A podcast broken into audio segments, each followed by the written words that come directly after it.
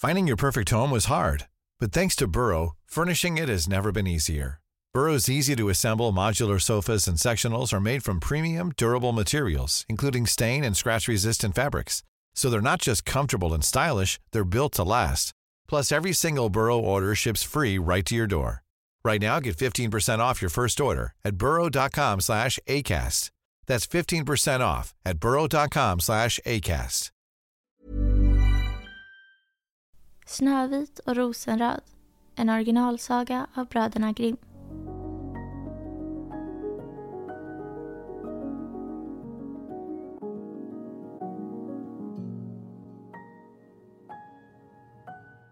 Hej! Innan sagan börjar så vill vi bara säga att vi finns på Patreon. Ni får jättegärna gå in och stödja oss där. Nu börjar sagan. Det var en fattig änka som bodde ensam i sin lilla stuga. Framför stugan fanns en trädgård och i den stod två rosenträd. Den ena av dessa bar vita, den andra röda rosor. Och hon hade två flickebarn som liknade de båda rosenträden. Den ena hette Snövit, den andra Rosenröd.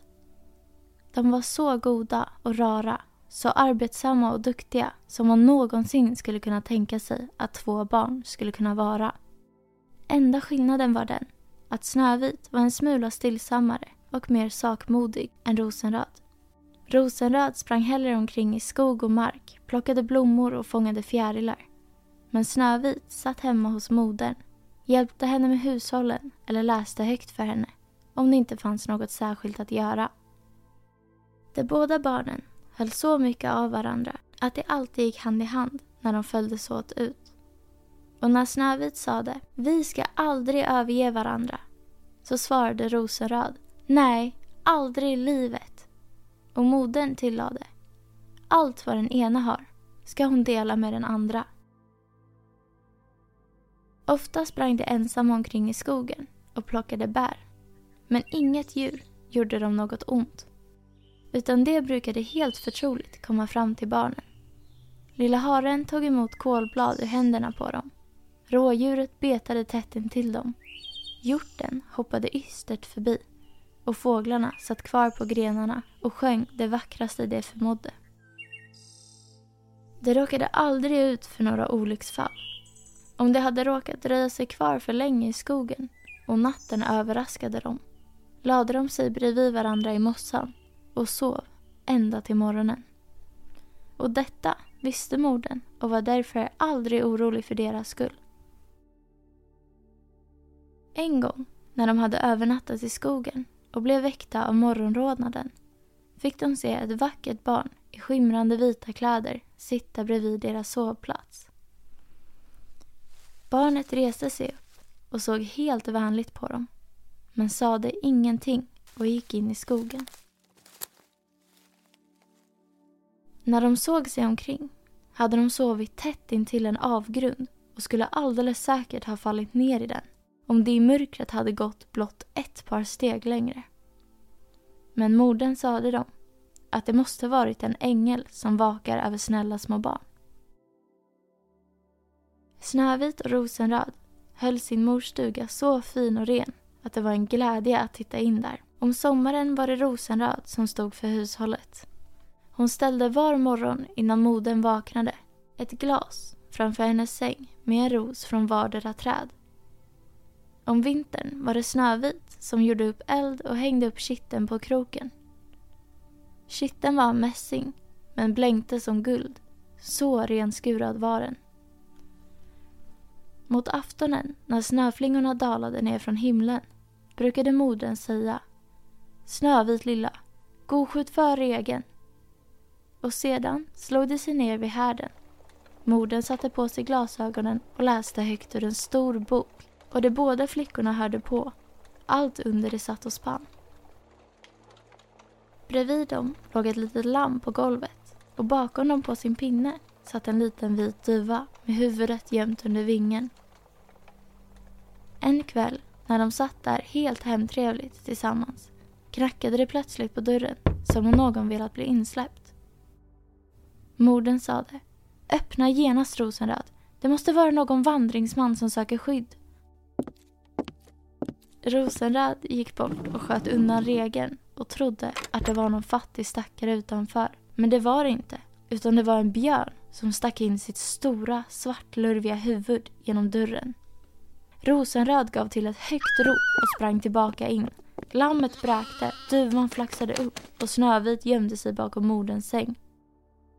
Men björnen började tala och sade Bli inte förskräckta. Jag ska inte göra er något ont. Jag är nästan ihjälfrusen och ville gärna få värma mig lite hos er. Din stackars björn, sa modern. Lägg dig du framför brasan och akta dig bara så att du inte bränner pälsen. Därpå ropade hon. Snövit, rosenröd, kom fram ni, björnen gör inte er något ont. Han har inget ont i sinnet. Då kom de fram, båda två. Och så småningom kom också lammet och duvan närmare och var inte rädda för honom längre. Hörni barn, slå bort lite av snön ur pälsen på mig så är ni snälla. Då tog de fram kvasten och sopade ren hans päls. Han sträckte ut sig framför elden och brummade helt förnöjd och belåten.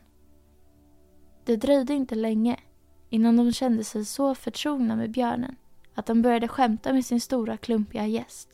De luggade honom i pälsen med sina små fingrar, satte upp fötterna på hans rygg och skuffade honom av och an eller tog ett hasselspö och klatschade på honom. Och när han brummade så skrattade de. Björnen tycktes ha lika roligt som de åt leken. Men när de började bli alltför besvärliga ropade han. Skona mitt liv barn, Snövit och Rosenröd, vill ni bli friarens död? När det blev sovdags och de andra gick till sängs sade modern till björnen. Du må i Guds namn få ligga kvar här vid härden så är du skyddad från både kyla och oväder. Och så snart dagen grydde släppte de båda barnen ut honom och han travade genom snödrivorna in i skogen. Från den dagen kom björnen tillbaka varenda kväll vid samma tid, lade sig vid härden och tillät att barnen rasade och lekte med honom hur mycket de behagade. Och de blev så vana vid honom att dörren aldrig reglades innan den stora lekkamraten infunnit sig. När våren hade kommit och allting började grönska där ute sade björnen en morgon till Snövit. Nu måste jag bort härifrån och får inte komma tillbaka igen på hela sommaren. Men vart ska du ta vägen då, kära björn? svarade Snövit. Jag ska långt bort i skogen och vakta mina skatter för de elaka dvärgarna. Om vintern, när marken är hårdfrusen, måste det vackert stanna kvar nere hos sig själva och orkar inte gräva sig upp. Men nu, när solskenet har tinat upp marken, bryter det hål på den och stiger upp för att söka stjäla. Och vad som en gång har råkat i deras klor och brutits ner i deras hålor, det kommer inte lätt upp i dagsljuset igen. Snövit blev helt bedrövad över avskedet. När hon låste upp den smala dörren och björnen trängde sig igenom fastnade han ett tag i dörrhaken och den rev av ett litet stycke av hans päls. Då föreföll det Snövit precis som om det hade skimrat av guld under skinnet. Men riktigt säker på sin sak var hon inte. Björnen lunkade hastigt iväg och hade snart försvunnit mellan trädstammarna. Någon tid därefter skickade modern ut barnen i skogen för att samla ris. Då kom de fram till ett stort träd som var fällt till marken. Men bredvid stammen fick de se något som hoppade upp och ner mellan grässtråna utan att de kunde urskilja vad det var.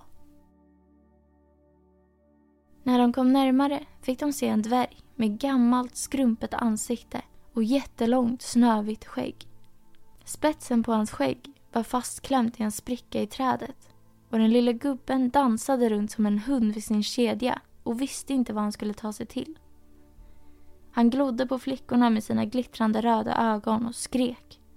Varför står ni där och gapar? Kan inte då komma hit och hjälpa mig? Hur har du burit dig åt, lille man? frågade Rosenröd. Du dumma nyfikna gås, svarade dvärgen.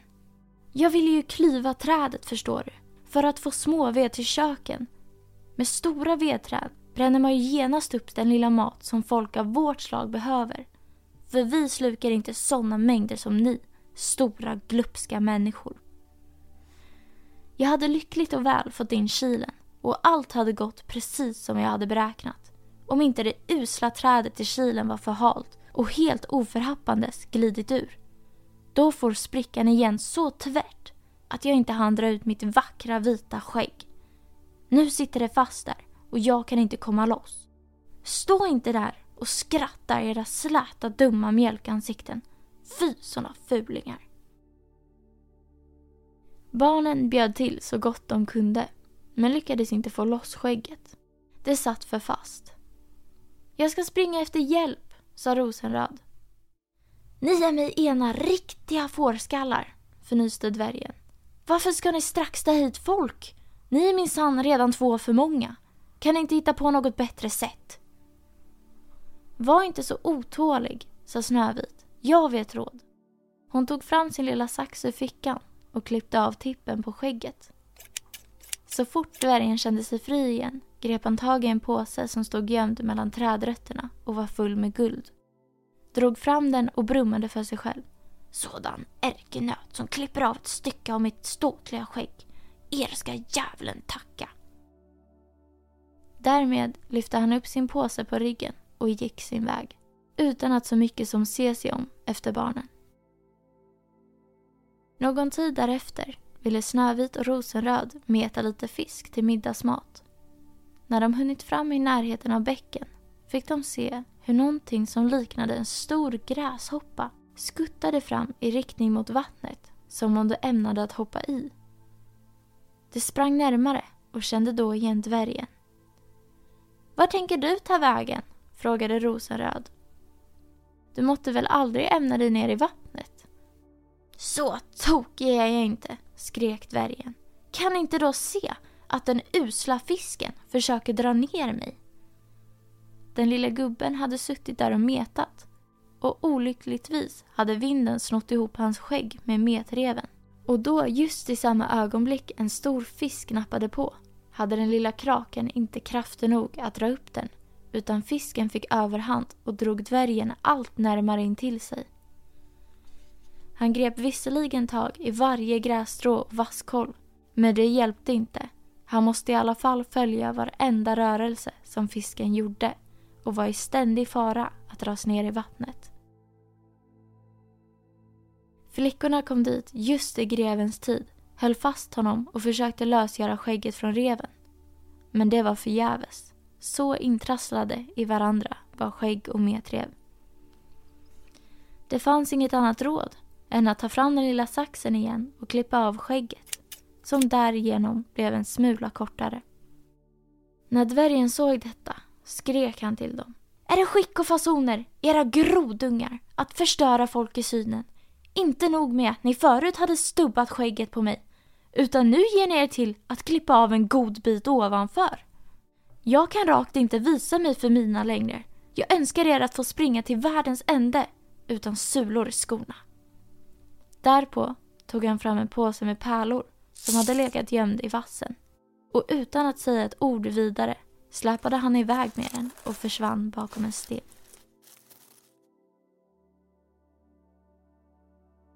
Det hände emellertid att modern kort därefter skickade de båda flickorna till staden för att köpa tråd och nålar, remmar och band.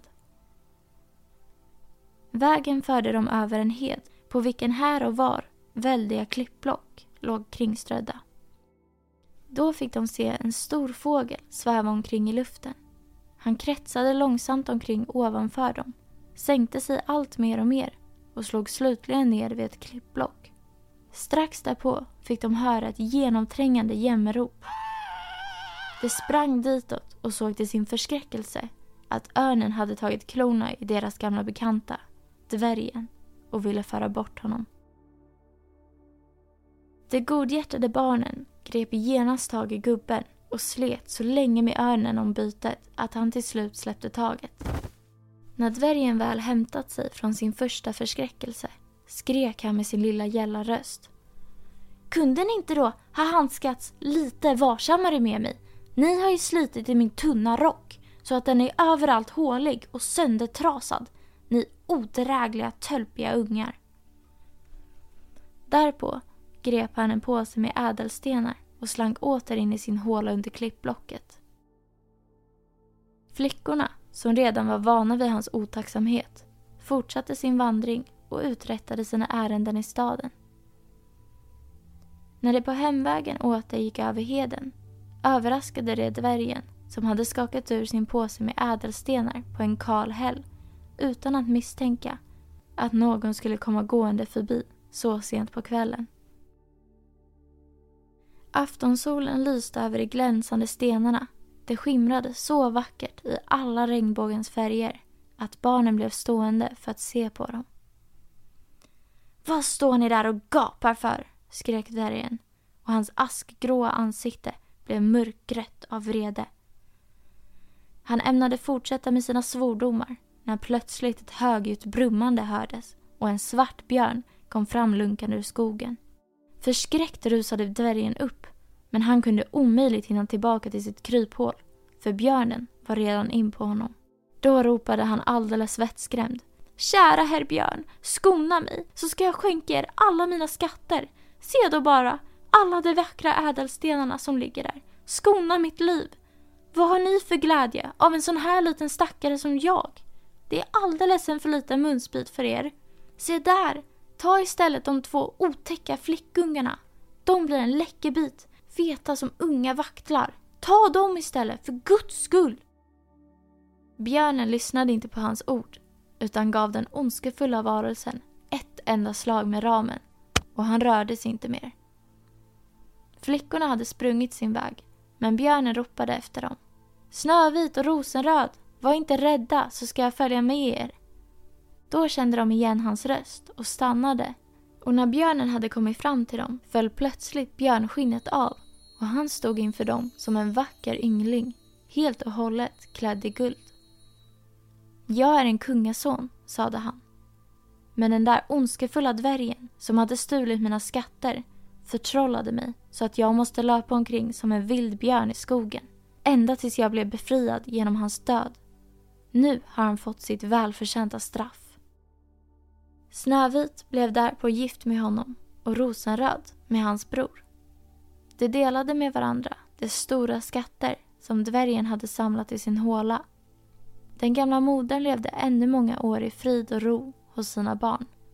Men de båda rosenträden tog hon med sig och de stod framför hennes fönster och bar för varje år de allra vackraste rosor, vita och röda.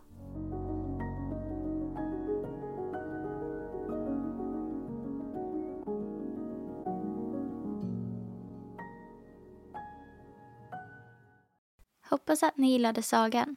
För er som vill bli medlemmar på Stora sagostunden på Patreon kommer ni att få tillgång till två sagor i veckan. Men vi kommer även att finnas kvar på gratisplattformarna med en saga i veckan. Tack för att ni lyssnade. Ha det bra.